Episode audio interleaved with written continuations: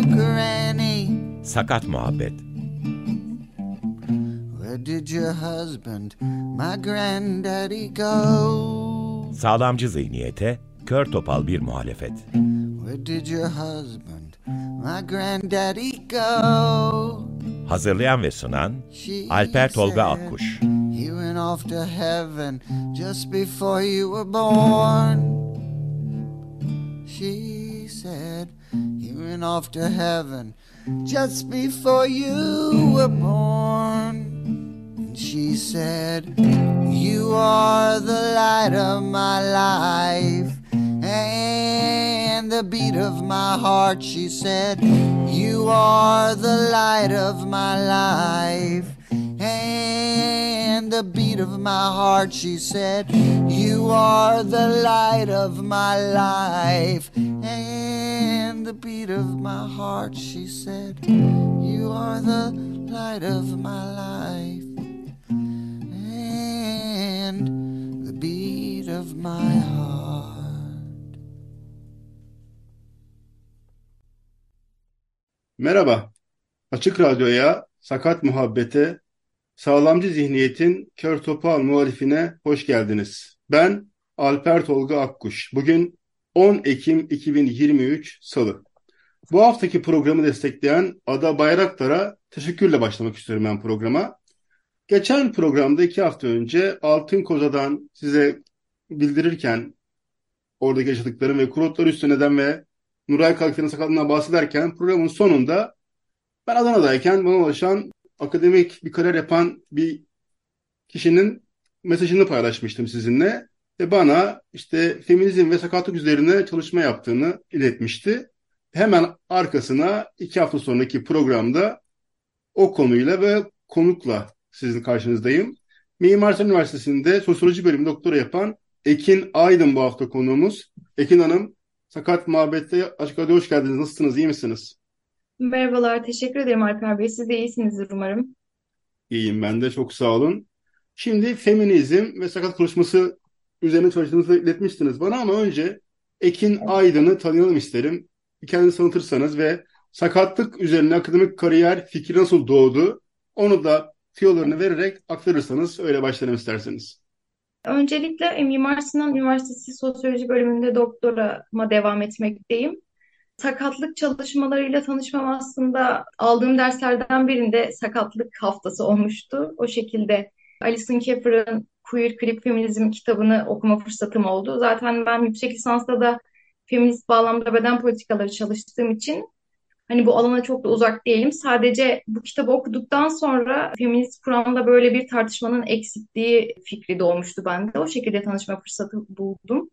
Yüksek lisans deyince ben de biraz baktım Google'dan sizin isminizle. O hemen çıkıyor zaten. Sizin isminizle feminizm ve sakatlık yazınca İstanbul Üniversitesi'nde feminizm beden ilişkisi üzerine bir yüksek lisans Evet, yapmışsınız evet. sanıyorum. Onun Evet. sakatlıkla bir bağ var mıydı yoksa oradan mı evrildi şey konu? Ya açıkçası onun sakatlıkla bir bağı yoktu. En çok bu konuda ben de hani biraz aydınlanmış hissediyorum kendimi. Dediğim kitabı okuduktan sonra nasıl böyle bir konuya eğilmediğimi, nasıl bunu gözden kaçırdığıma dair kendime de bir eleştiri getirmiştim. Bu anlamda böyle bir dersin olması bende çok ufuk açtı. Buradan da zaten hocama da teşekkür yollamak istiyorum kendisine. İsmini Çok de analım. Hocanız, hocanız kim? Onu da analım o Ee, ismini de. evet tabii ki de. Kendisi de Mimar Sinan Üniversitesi Sosyoloji bölümünde Ebru Türker hocamız. Kendisi sakatlığa dair bir e, hafta düzenlemişti. Okumalara koyduğu kitap benim için çok faydalı olmuştu. O şekilde. Bir de siz bana yazdığınızda şey demiştiniz. Sakat muhabbeti de ben dinledim bu bir sene Evet süresince. evet evet evet. Onun nasıl katkısı oldu çalışmanızda? O beni çok mutlu ettiği için onu da vurgulamak istiyorum Yani açıkçası. şöyle bununla ilgili böyle bir çalışma yapmaya karar verdikten sonra tabii ki de Türkiye'de bu alanda neler yapılıyor bunu biraz araştırmaya başladım.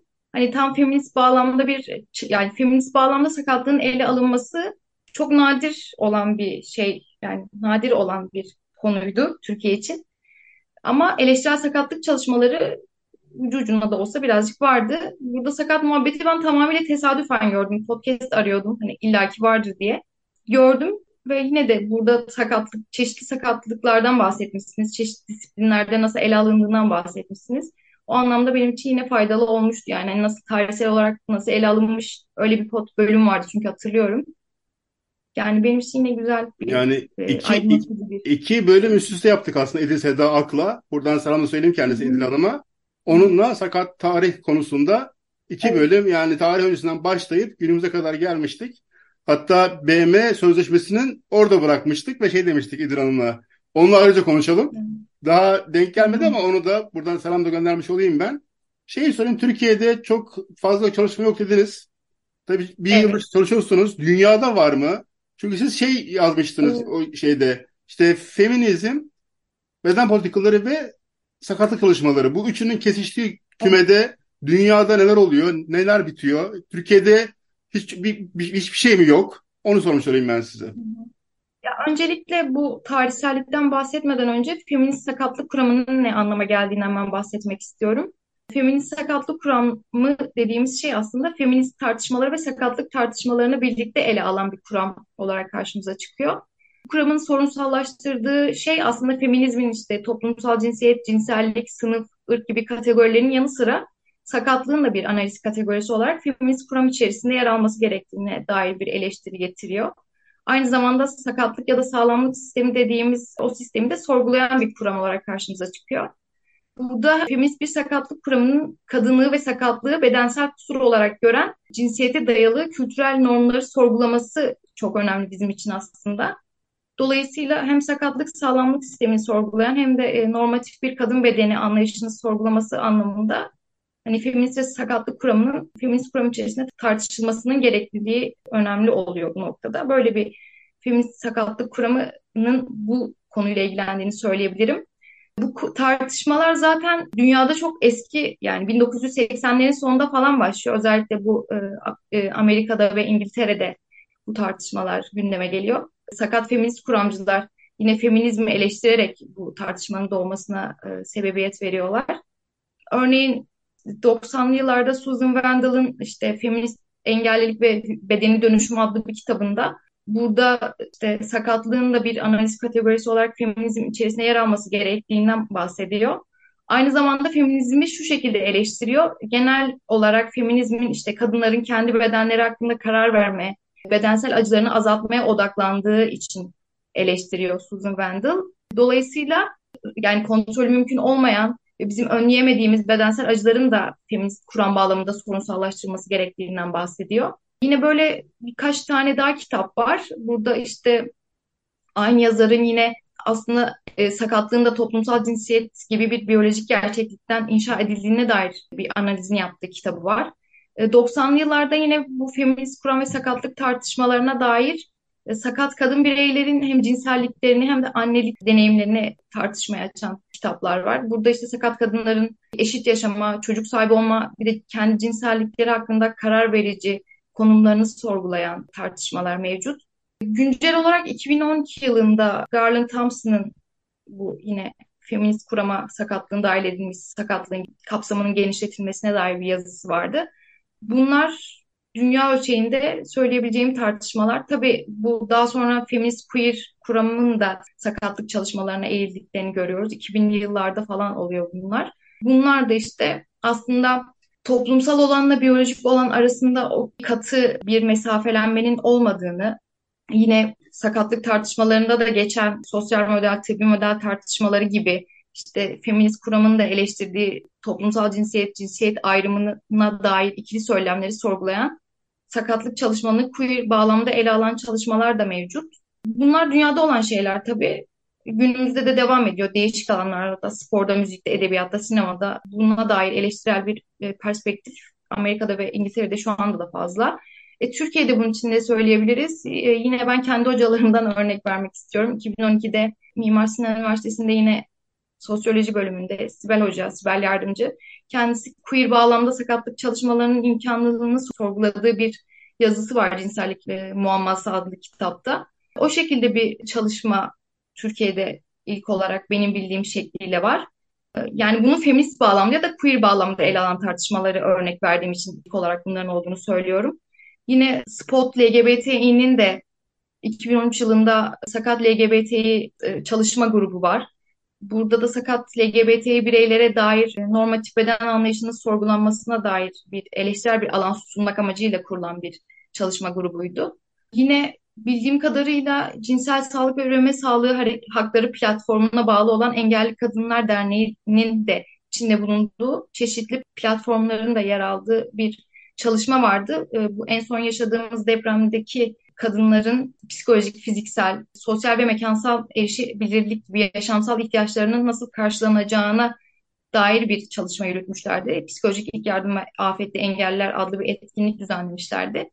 Yani o şekilde çalışmalar Türkiye'de mevcut ama yine de genelde Türkiye'de literatüre baktığımız zaman bunu tıbbi model perspektifiyle ya da sosyal model işte mekansal erişebilirlik, bu kişilere dair politikaların nasıl yürütüldüğü, bir ayrımcılık olup olmadığına dair tartışmalar var. Feminist bağlamda bunun ele alınışı çok nadir olarak karşılaştım. Hatta size konuşmadan önce de bir yok tezi taradım tekrardan kaçırdığım bir şey var mı diye. Yani öyle feminist bağlamda çok ele alan hatta hiç yok de, diyebilirim yani. E, dünyada var ama Türkiye'de yok. Yani yeni başlıyor evet. ama diye anlıyorum ben zaten. Evet evet başlıyor evet. Zaten ben size hatırlarsanız ben size çalışırken şey demiştim ya bana da birkaç okuma şeyi gönderin de ben de hazırlayayım evet. demiştim. Onları da buradan ben bir not aldım. İşte Kaos G'lerin Eylül-Ekim 2020'deki sayısı zaten normativite kapak konusuymuş. Evet. Orada Sevcan Tiftik'in bir makalesi vardı. Toplumsal cinsiyet ve cinsel yönelim odaklı politikalarda sağlamcılığın görünmezliği. Sonra Rosemary evet. Garland Thompson'dan bahsettiniz zaten. O da Hı-hı. Türkiye'de çok önemli bir kaynak. Sakatlık çalışmaları, sosyal bilimlerine bakmak bir kitabı vardır. Derleyenler Dikmen Bezmez, Sibel Yardımcı, Yıldırım Şentürk. Üçünü de adını analım. Orada Rosemary Garland Thompson'ın sakatlığın dahil edilmesi, feminist kuramın dönüştürülmesi makalesi var.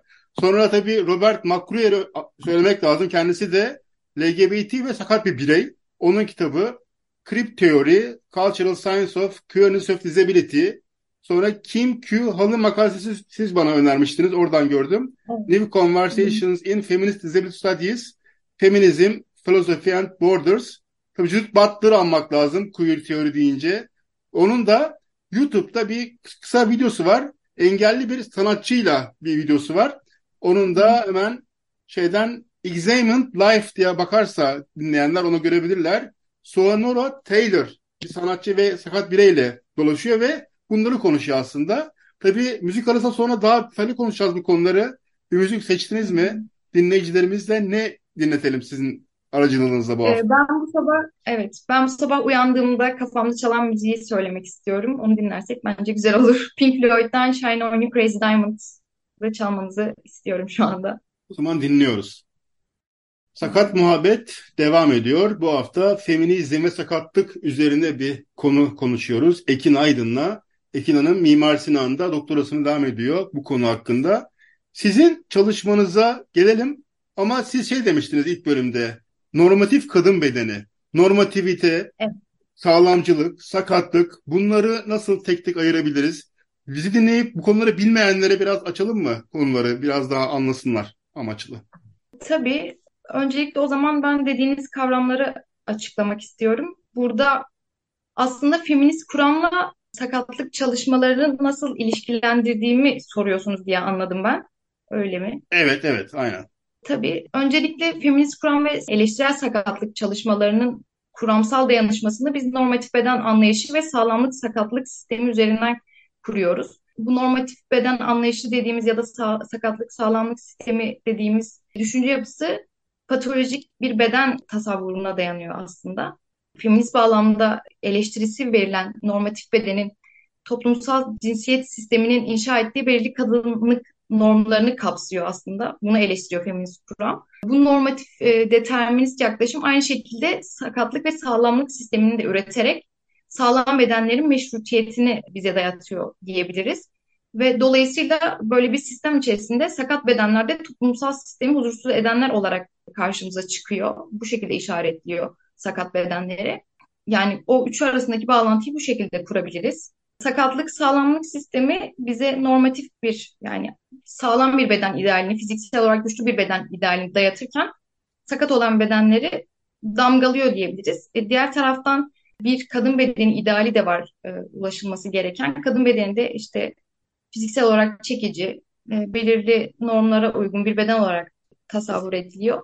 Bu noktada her ikisi ataerkil bir düşüncenin ifadesi olarak feminist sakatlık kuramının konusuna geliyor. Bu anlamda hani bu ikisi birbiriyle çok alakalı olarak feminist sakatlık kuramında yer alıyor zaten. Bu üçünün bağlantısını o şekilde kurabiliriz. Şimdi eleştirel sakatlık birkaç defa söylediniz. Sakat Evet. çalışmaları var. Eleştirel sakatlık çalışmasıyla sakat çalışmaların ayrımı nedir? İkisi arasında bir fark var mı? Varsa nedir diye sormuş olayım size. Böyle sakatlık çalışmaları zaten tıbbi bir perspektifle başlıyor. Tıbbi perspektif biyolojik olarak normal bir insan bedeni tahayyülüne dayanan bir modeldir. Dolayısıyla bu normallik dışında kalan bedenler eksik ve sakat olarak işaretleniyor. Dolayısıyla tıbbi otorite bunu tedavi et- etmek istiyor. Yani kendi tedavi alanına giren bir obje olarak görüyor. Ve geri kalan işte sosyal ve kültürel alanda karşılaşılan zorluklarda bireyin kendisinin halletmesi gereken bir sorumluluğuymuş gibi kişiye yükleniyor. Bu normal olarak sakatlık çalışmaları genellikle işte tıbbi model perspektifinde ve reha- rehabilitasyona konu edilebilecek şekilde devam ediyor. 70'lerde de e, bir sosyal model dediğimiz model çıkıyor. Bu da eleştirel sakatlık çalışmaları aslında böyle başlıyor.